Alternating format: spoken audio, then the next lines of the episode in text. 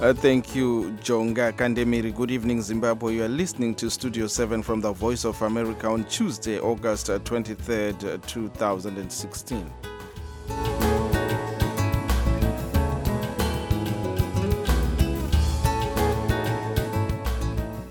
Thank you for joining us live uh, from Washington. This is Chris Gande. And I'm Marvelous Mhlanga Nyahuye. Here are our top stories this evening. Followers of Prophet Walter Magaya facing rape accusations speak out.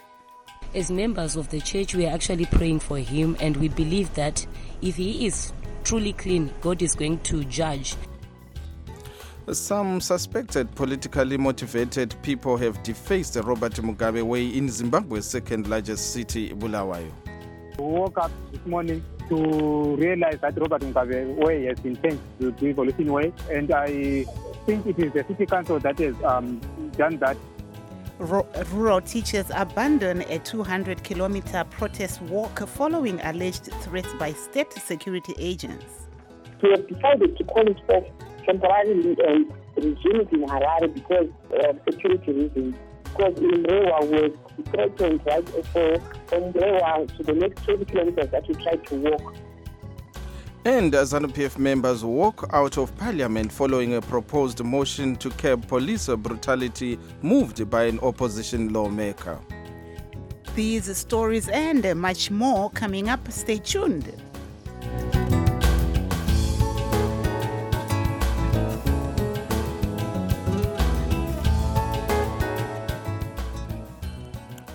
The arrest of Prophetic Healing and Deliverance Ministries or PhD leader Prophet Walter Magaya on rape charges last week has been received with mixed reactions by his followers and ordinary Zimbabweans. Thomas Chiripasi has more details from Harare. When Studio 7 visited the PhD ministry's premises in Harare's Waterfalls High Density suburb, there were a handful of followers who were praying in a fenced area that is commonly known by the church's congregants as the holy ground.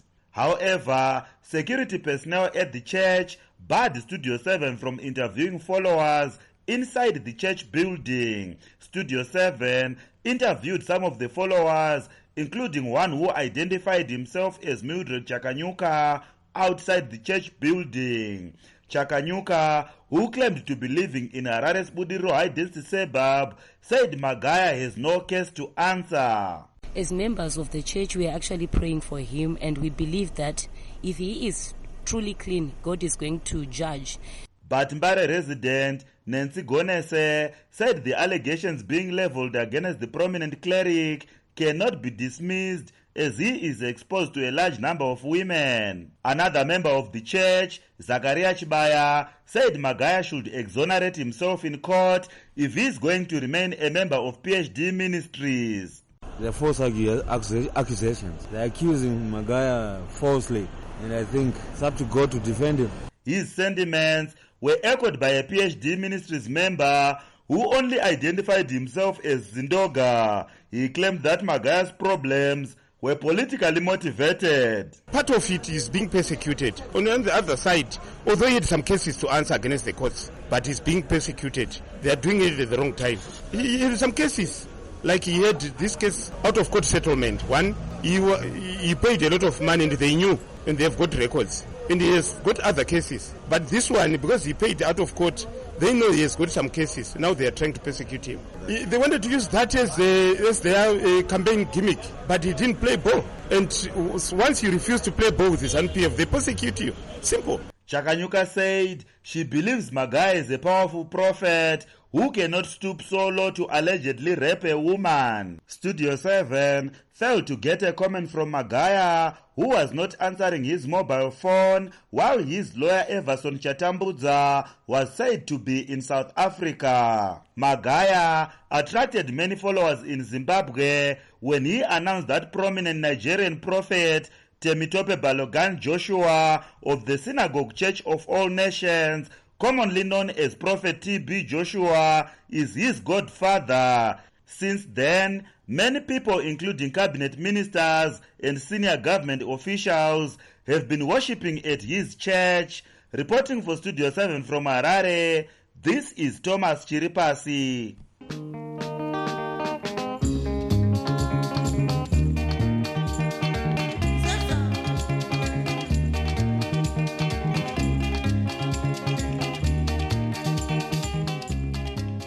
Some unknown people in Bulawayo have defaced Robert Mugabe Way signpost and renamed the road Devolution Way as a form of protest against the government's failure to devolve power to provinces, a provincial enshrined in the country's constitution.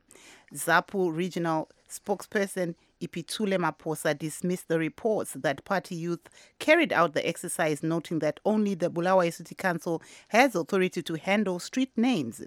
Council officials declined to comment, said, saying they removed the defaced signpost and are carrying out investigations. Police declined to comment. Sources claim that the youth who conducted the exercise are linked to several parties and protest movements. People in the region claim that President Robert Mugabe's government has marginalized them since independence from British rule in 1980. Maphosa tells Studio 7's Gibbs Dube they commend any form of protest likely to force the government to devolve power to provinces. We woke up this morning to realize that Robert Mugabe way has been changed to the way. Uh, and I think it is the city council that has um, done that. We know the city council is the, is the only authority that has uh, the, the right to change city, from, from, from one name to another. So I don't know. I don't know if I should call it protesting or anything. Mm, but what do you think about this kind of protest? There's no good protest. There's no bad protest. As long as uh, people are reg- uh, registering their, their, their, their views uh, probably registering their displeasure with anything that that that, that is happening. Uh, but in this case, as we, as, as, as we all know, we adopted a new constitution in 2018, uh, and in that constitution there's there's a clause for, for, for devolution of power, governance and power are supposed to be cascaded down to, to, to local levels. Uh, but it has been three years down the line, and we haven't heard um, any of that being implemented. Chapter 14 of the, the, the new constitution. There's also no um, sign that anyone is willing to implement devolution of power. So it could be um, frustration by the residents, uh, by the citizens, especially residents of Bulawayo, who badly need devolution of power for, for, for many reasons um, than not. So it, it is uh, a, a, way of uh, registering their views. It is a way of claiming what, what they feel is, is, is rightfully theirs. At the end of the day, Mr. Maphosa, do you think that uh, uh, this kind of protest is going to have any impact in terms of influencing the government to actually implement a devolution of power to provinces? Protests um, in, in, Zimbabwe haven't uh, yielded much uh, of their intended results uh, in the past. But of late, we have seen uh, the government bending to protest. We, we, we've seen the, the, the display campaign.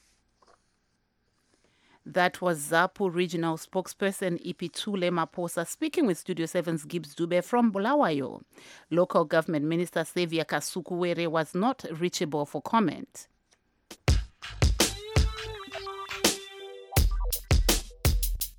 We have an important programming change announcement. Effective Monday, August 29th, 2016, Studio 7 will stop its English program. However, English news on Zimbabwe will continue to be broadcast on VOA's English to Africa programs Africa News Tonight, Monday through Friday, and Nightline Africa, Saturday and Sunday. Studio 7 will continue programming in English on Live Talk, which has been expanded to one full hour. You will also be able to get Zimbabwe news on our website and Facebook. We will continue broadcasting in Shona and Ndebele Monday through Friday, and on Saturday and Sunday, where we have expanded Shona and Ndebele programs to 30 minutes. For broadcast times and frequencies, please visit our website www.voazimbabwe.com. That's www.voazimbabwe.com. The Rural Teachers Union of Zimbabwe, or RTUZ, has called off a 200 kilometer protest march by its executive members from Mutawatawa in Maramba Pfungwe district in Mashonaland East province to Harare, citing alleged th- threats from state security agents and suspected ZANU PF members. The 15 member team launched its march on the 15th of this month with plans to walk for 10 days, a, distance of 200 kilometers, demanding several issues, including salary increases and better education in rural areas. But uh, Tandiwe Dube, who's the union's vice president, says they have been facing problems since day one when they were allegedly threatened by death with death by members of the dreaded Central Intelligence Office at Mutawatawa. This was after they tried to hand over a petition at the district education offices at the Growth Point. Dube tells reporter Jonga Kandemiri that they will, however, still hand over their petition to the Minister of Primary and Secondary Education on the 25th as planned. We have decided to call it off temporarily and resume it in Harare because of security reasons. Because in Rewa was threatened, right, for from Rewa to the next 20 kilometers that we tried to walk, we were threatened and we could not get police clearance from Rewa police station. And uh, we were only given uh, one day to get out of Rewa.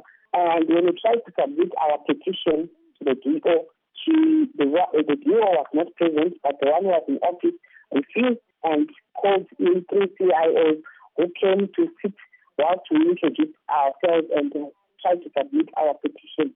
How many kilometers had you covered out of the 200 kilometers? We had covered 120 kilometers. We only left with 80 kilometers to get into Harare. You said you are going to resume the march. Yes, on, on the day that we were supposed to get into Harare, we are, just going, we are going to march to head office and submit our petition, although we had not completed the other 80 kilometers due to security reasons. But uh, describing all what happened to you, how can you sum it up? I can sum it up as that uh, the state security agents that we have in our country, I think they need to be educated or they need to be taught or read uh, or the Constitution read to them and explained what is stated in the Constitution. Uh, that was RTUZ Vice President Tandiwe Dube on the phone from Harare with reporter Jonga Kandemiri.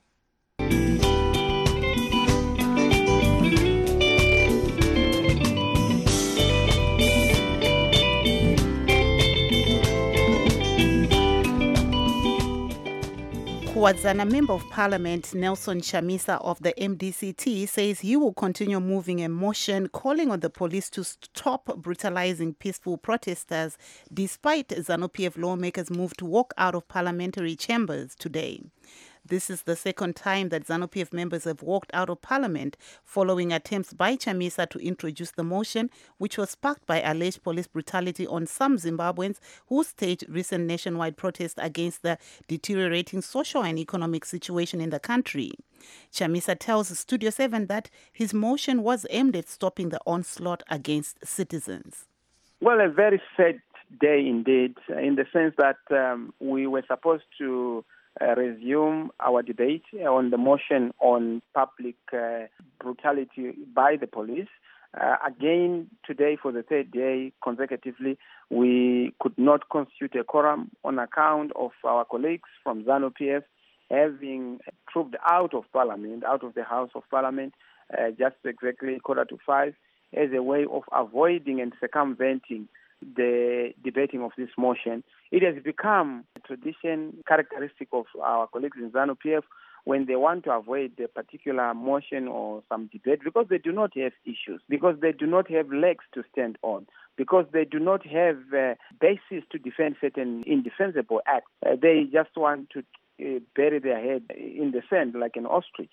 But we are clearly insisting that in as much as we could not have quorum uh, this day, today, we are going to insist and subsist as part of our struggle that the matter be debated, the matter be ventilated, the matter be resolved upon by Parliament, where there are certain fundamentals that are supposed to be uh, dealt with, particularly putting in place legislative mechanisms, putting in place administrative mechanisms, and also putting in place oversight parliamentary mechanisms to make sure that will bring to account the minister, the commissioner general of the police, and the police in general as part of our oversight role in terms of the Constitution, Section 119 of the Constitution of Zimbabwe. So, what is the way forward? Is are you going to bring this motion up again in the next session? This is a struggle. Tomorrow, Parliament is again sitting. We will not tire. We are so determined. Persistence is the first chapter in the book of success and victory. That was Kuwadzana Member of Parliament Nelson Chamisa of the MDCT in Harare. Efforts to get comment from ZANU PF Chief Whip Lovemore Matuke were unsuccessful.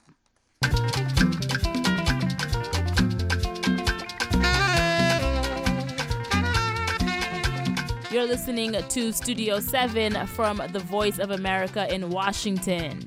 We are broadcasting on 909 meter wave and on the 4930 5940 and 15460 shortwave frequencies. On the internet, find us at www.studio7news.com. You can also text us at 001 202 465 0318.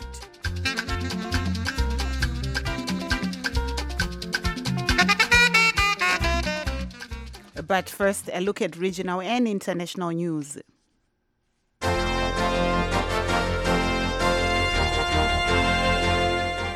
And Nigeria's Air Force today claimed to have fatally wounded Boko Haram leader Abubakar Shekau and several other high ranking members of the group in airstrikes carried out against the terrorist organization's headquarters. US President Barack Obama is in the southeastern state of Louisiana, where historic flooding has ravaged most of the southern part of the state.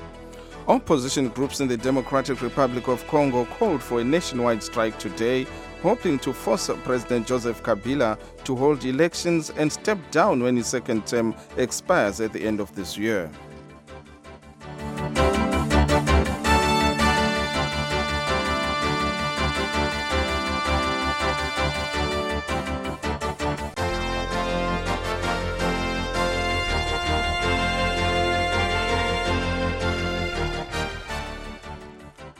As protests in Zimbabwe continue, it has now become common to see young Zimbabweans wearing graduation gowns and caps, staging their own protests over the high unemployment rate in Zimbabwe.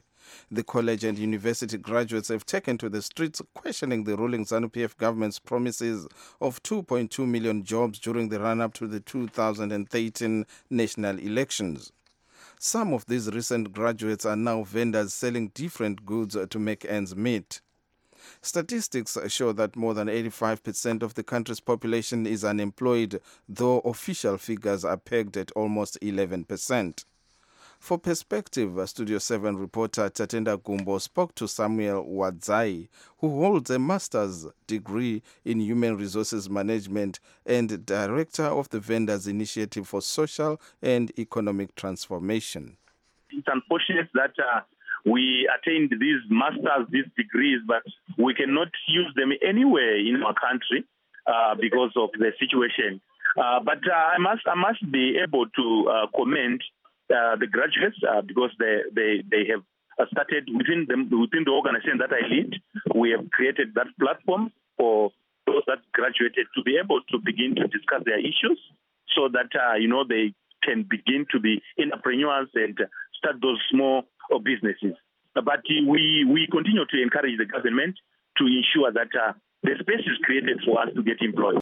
But Mr. Wadzai, as we look at the current situation in Zimbabwe when it comes to unemployment, uh, this issue has been going on for some time now. How do you think that this movement will assist, and what do you guys really want the government to do? We, we expect the government to be responsible. That's the first thing. You know, they promised us uh, to create 2.2 million jobs when they were campaigning during the, the you know the, the election campaign period. It was part of the, the, the current government's manifesto that they were going to create 2.2 million jobs. So we expect them to do the same. It's, it's unfortunate that uh, there is no mention of job creation whatsoever now. What we are seeing are just fights, you know, for for for for position, positions, people trying to strategically position themselves uh, for succession and other issues at the expense of us who are jobless. So we, we have got a very responsible government. That's, that's how we view it as the graduates of this country. And that was Samuel Wadzai, Director of the Vendors Initiative for Social and Economic Transformation.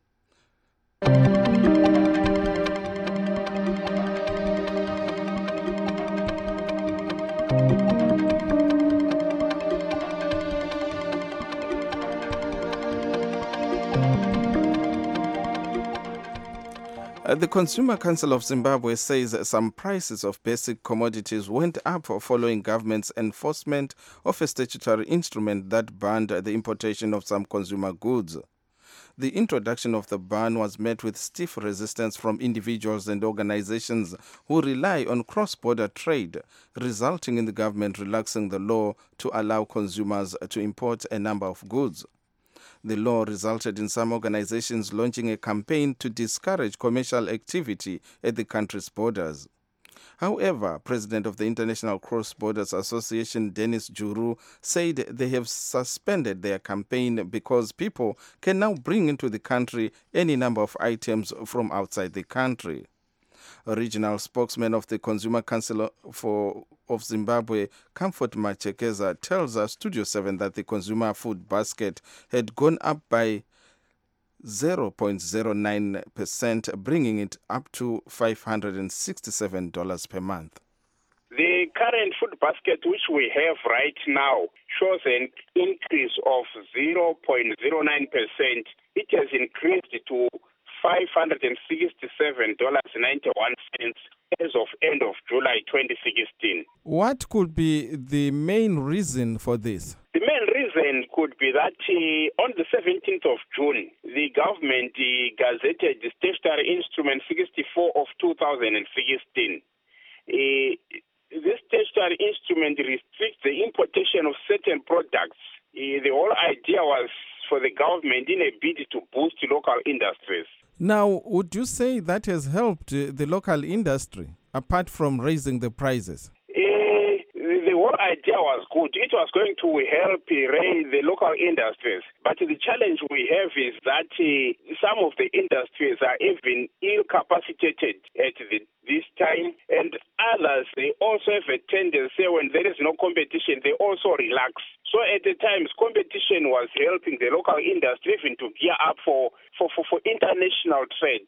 We, we, we don't only want industries to operate in Zimbabwe, but we look at a way where they can even compete outside our borders. Now, looking at the basket, uh, which goods seem to have uh, increased their prices? The goods which seem to have increased their prices still leaves increased uh, by 4 cents, Milli increased by 40 cents per 20 kg. Uh, salt increased by 3 cents per kg. Uh, washing powder increased by 20 cents per kg also. And the bar of soap increased by 6 cents. We understand that uh, the statutory instrument has been relaxed slightly. Don't you see this resulting in the drop of prices once again? But not to that extent. It has been relaxed. I, think it can serve mainly those who are in the border towns like Beitbridge and Plumtree. But for somebody from Bulawayo or Harare traveling across the borders, so that you just buy goods worth a month, it cannot be feasible. Otherwise, the traveling expense will be even more expensive than just buying locally. About the goods which have increased, but we also have few other items which have dropped their prices. Things like cooking oil. We have one producer who has instead increased the price of cooking oil, but the majority though they are small players, they have also reduced the prices of cooking oil. So we now have locally produced cooking oil, which is now cheaper than the imported one. That was regional spokesman of the Consumer Council of Zimbabwe, Comfort Muchekeza. He spoke to Studio 7 on the line from Bulawayo.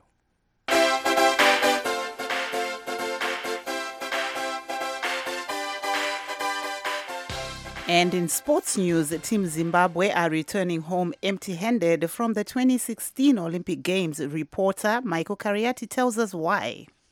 The three Zimbabwean athletes who were left in Brazil in the last stages of the Olympic Games were a big letdown as they failed to finish in the top 10 of the marathon, with one of them failing to finish the race. The top placed Zimbabwean was Patson Lovu, who finished in 40 first position with Cuthbert Nyasango way behind in 58th position. Wirimai Joao, who finished seventh at the last Olympic Games, failed to finish the race. Failure to finish the race is regarded as the biggest failure by any Olympic participant. While Ndlovu will cross to the USA, where he is based, Nyasango and Joao will return home to join the 10 other Olympic Games representatives and the Mighty Warriors to reflect on their failure.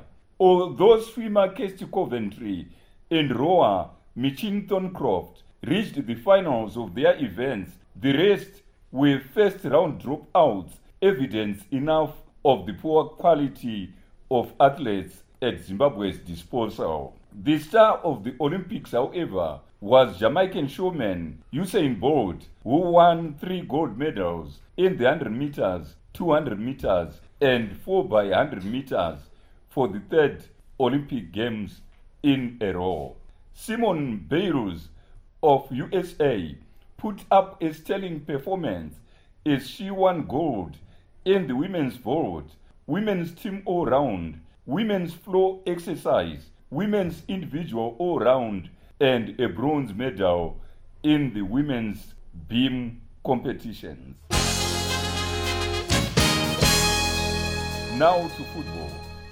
There was celebration at Dynamos after Dembare turned on the style to beat Harare City 2-0 and end a succession of six matches without a win. Dembare were so dominant that they could have come out with a bag full of goals had they converted most of their chances. After the game, talk was on how good their team played instead of the usual the coach must go song. Coach Lloyd Mutasa says there was this big Dynamo's winning spirit in his team that they fought for each ball and attacked as a single unit. I think there was the, the, the, the, the Dynamo's uh, zeal of wanting to win, wanting to win every, every duel, wanting to go forward and uh, wanting to beat Harare City for the second time. Mutasa says the win over Harare City, coming after a loss and five draws, should be the turning point going forward. It should be our turning point. I, I think uh, uh, we, we, we, need consistency and uh, uh, uh probably this, uh, this win can only but motivate the youngsters going forward. As is usual, Harare City coach Mos Chunga was evasive on the events of the day. 13 points. Border Strikers 13 points. Reporting for Studio 7 in Harare, this is Michael Cariati.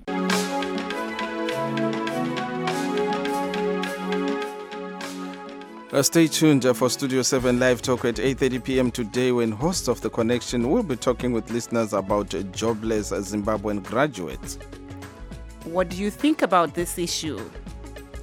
If you wish to join us, call us at uh, 001 202 619 2077 or text us at 001 202 465 0318.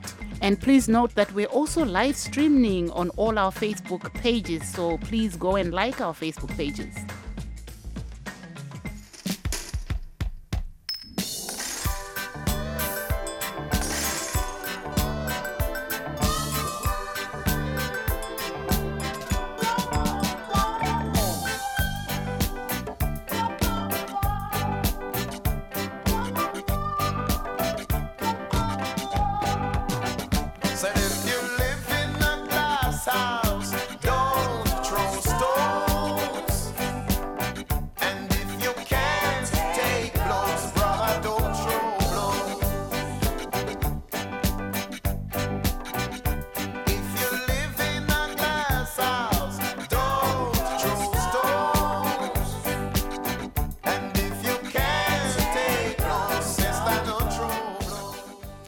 If you live in a glass house, uh, don't throw no stones. Uh, that there is the music of Peter Tosh uh, bringing our show to an end. But before we go, a quick recap of today's top stories. Followers of Prophet Walter Magaya facing rape accusations speak out.